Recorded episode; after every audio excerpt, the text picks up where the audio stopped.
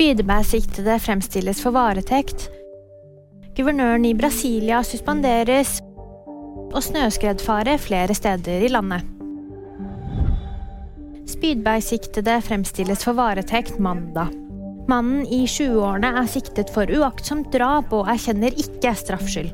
Han er sliten og nedbrutt og blir tatt hånd om på best mulig måte, sier forsvareren hans til VG. Guvernøren i Brasilia er suspendert etter kongressstormingen søndag. Han fratas alle verv og oppgaver i 90 dager etter angivelige sikkerhetsmangler i regjeringsbyggene som ble stormet. Mandag er det sendt ut oransje farevarsel fra Meteorologisk institutt for betydelig snøskredfare flere steder i landet. Dette gjelder bl.a. Finnmarkskysten, Lyngen, Jotunheimen og Hallingdal. Det er også sendt ut gult farvarsel for kuling flere steder, hovedsakelig langs havet og kysten. Og VG-nyhetene de fikk du av meg, Jamment Britt Gahr.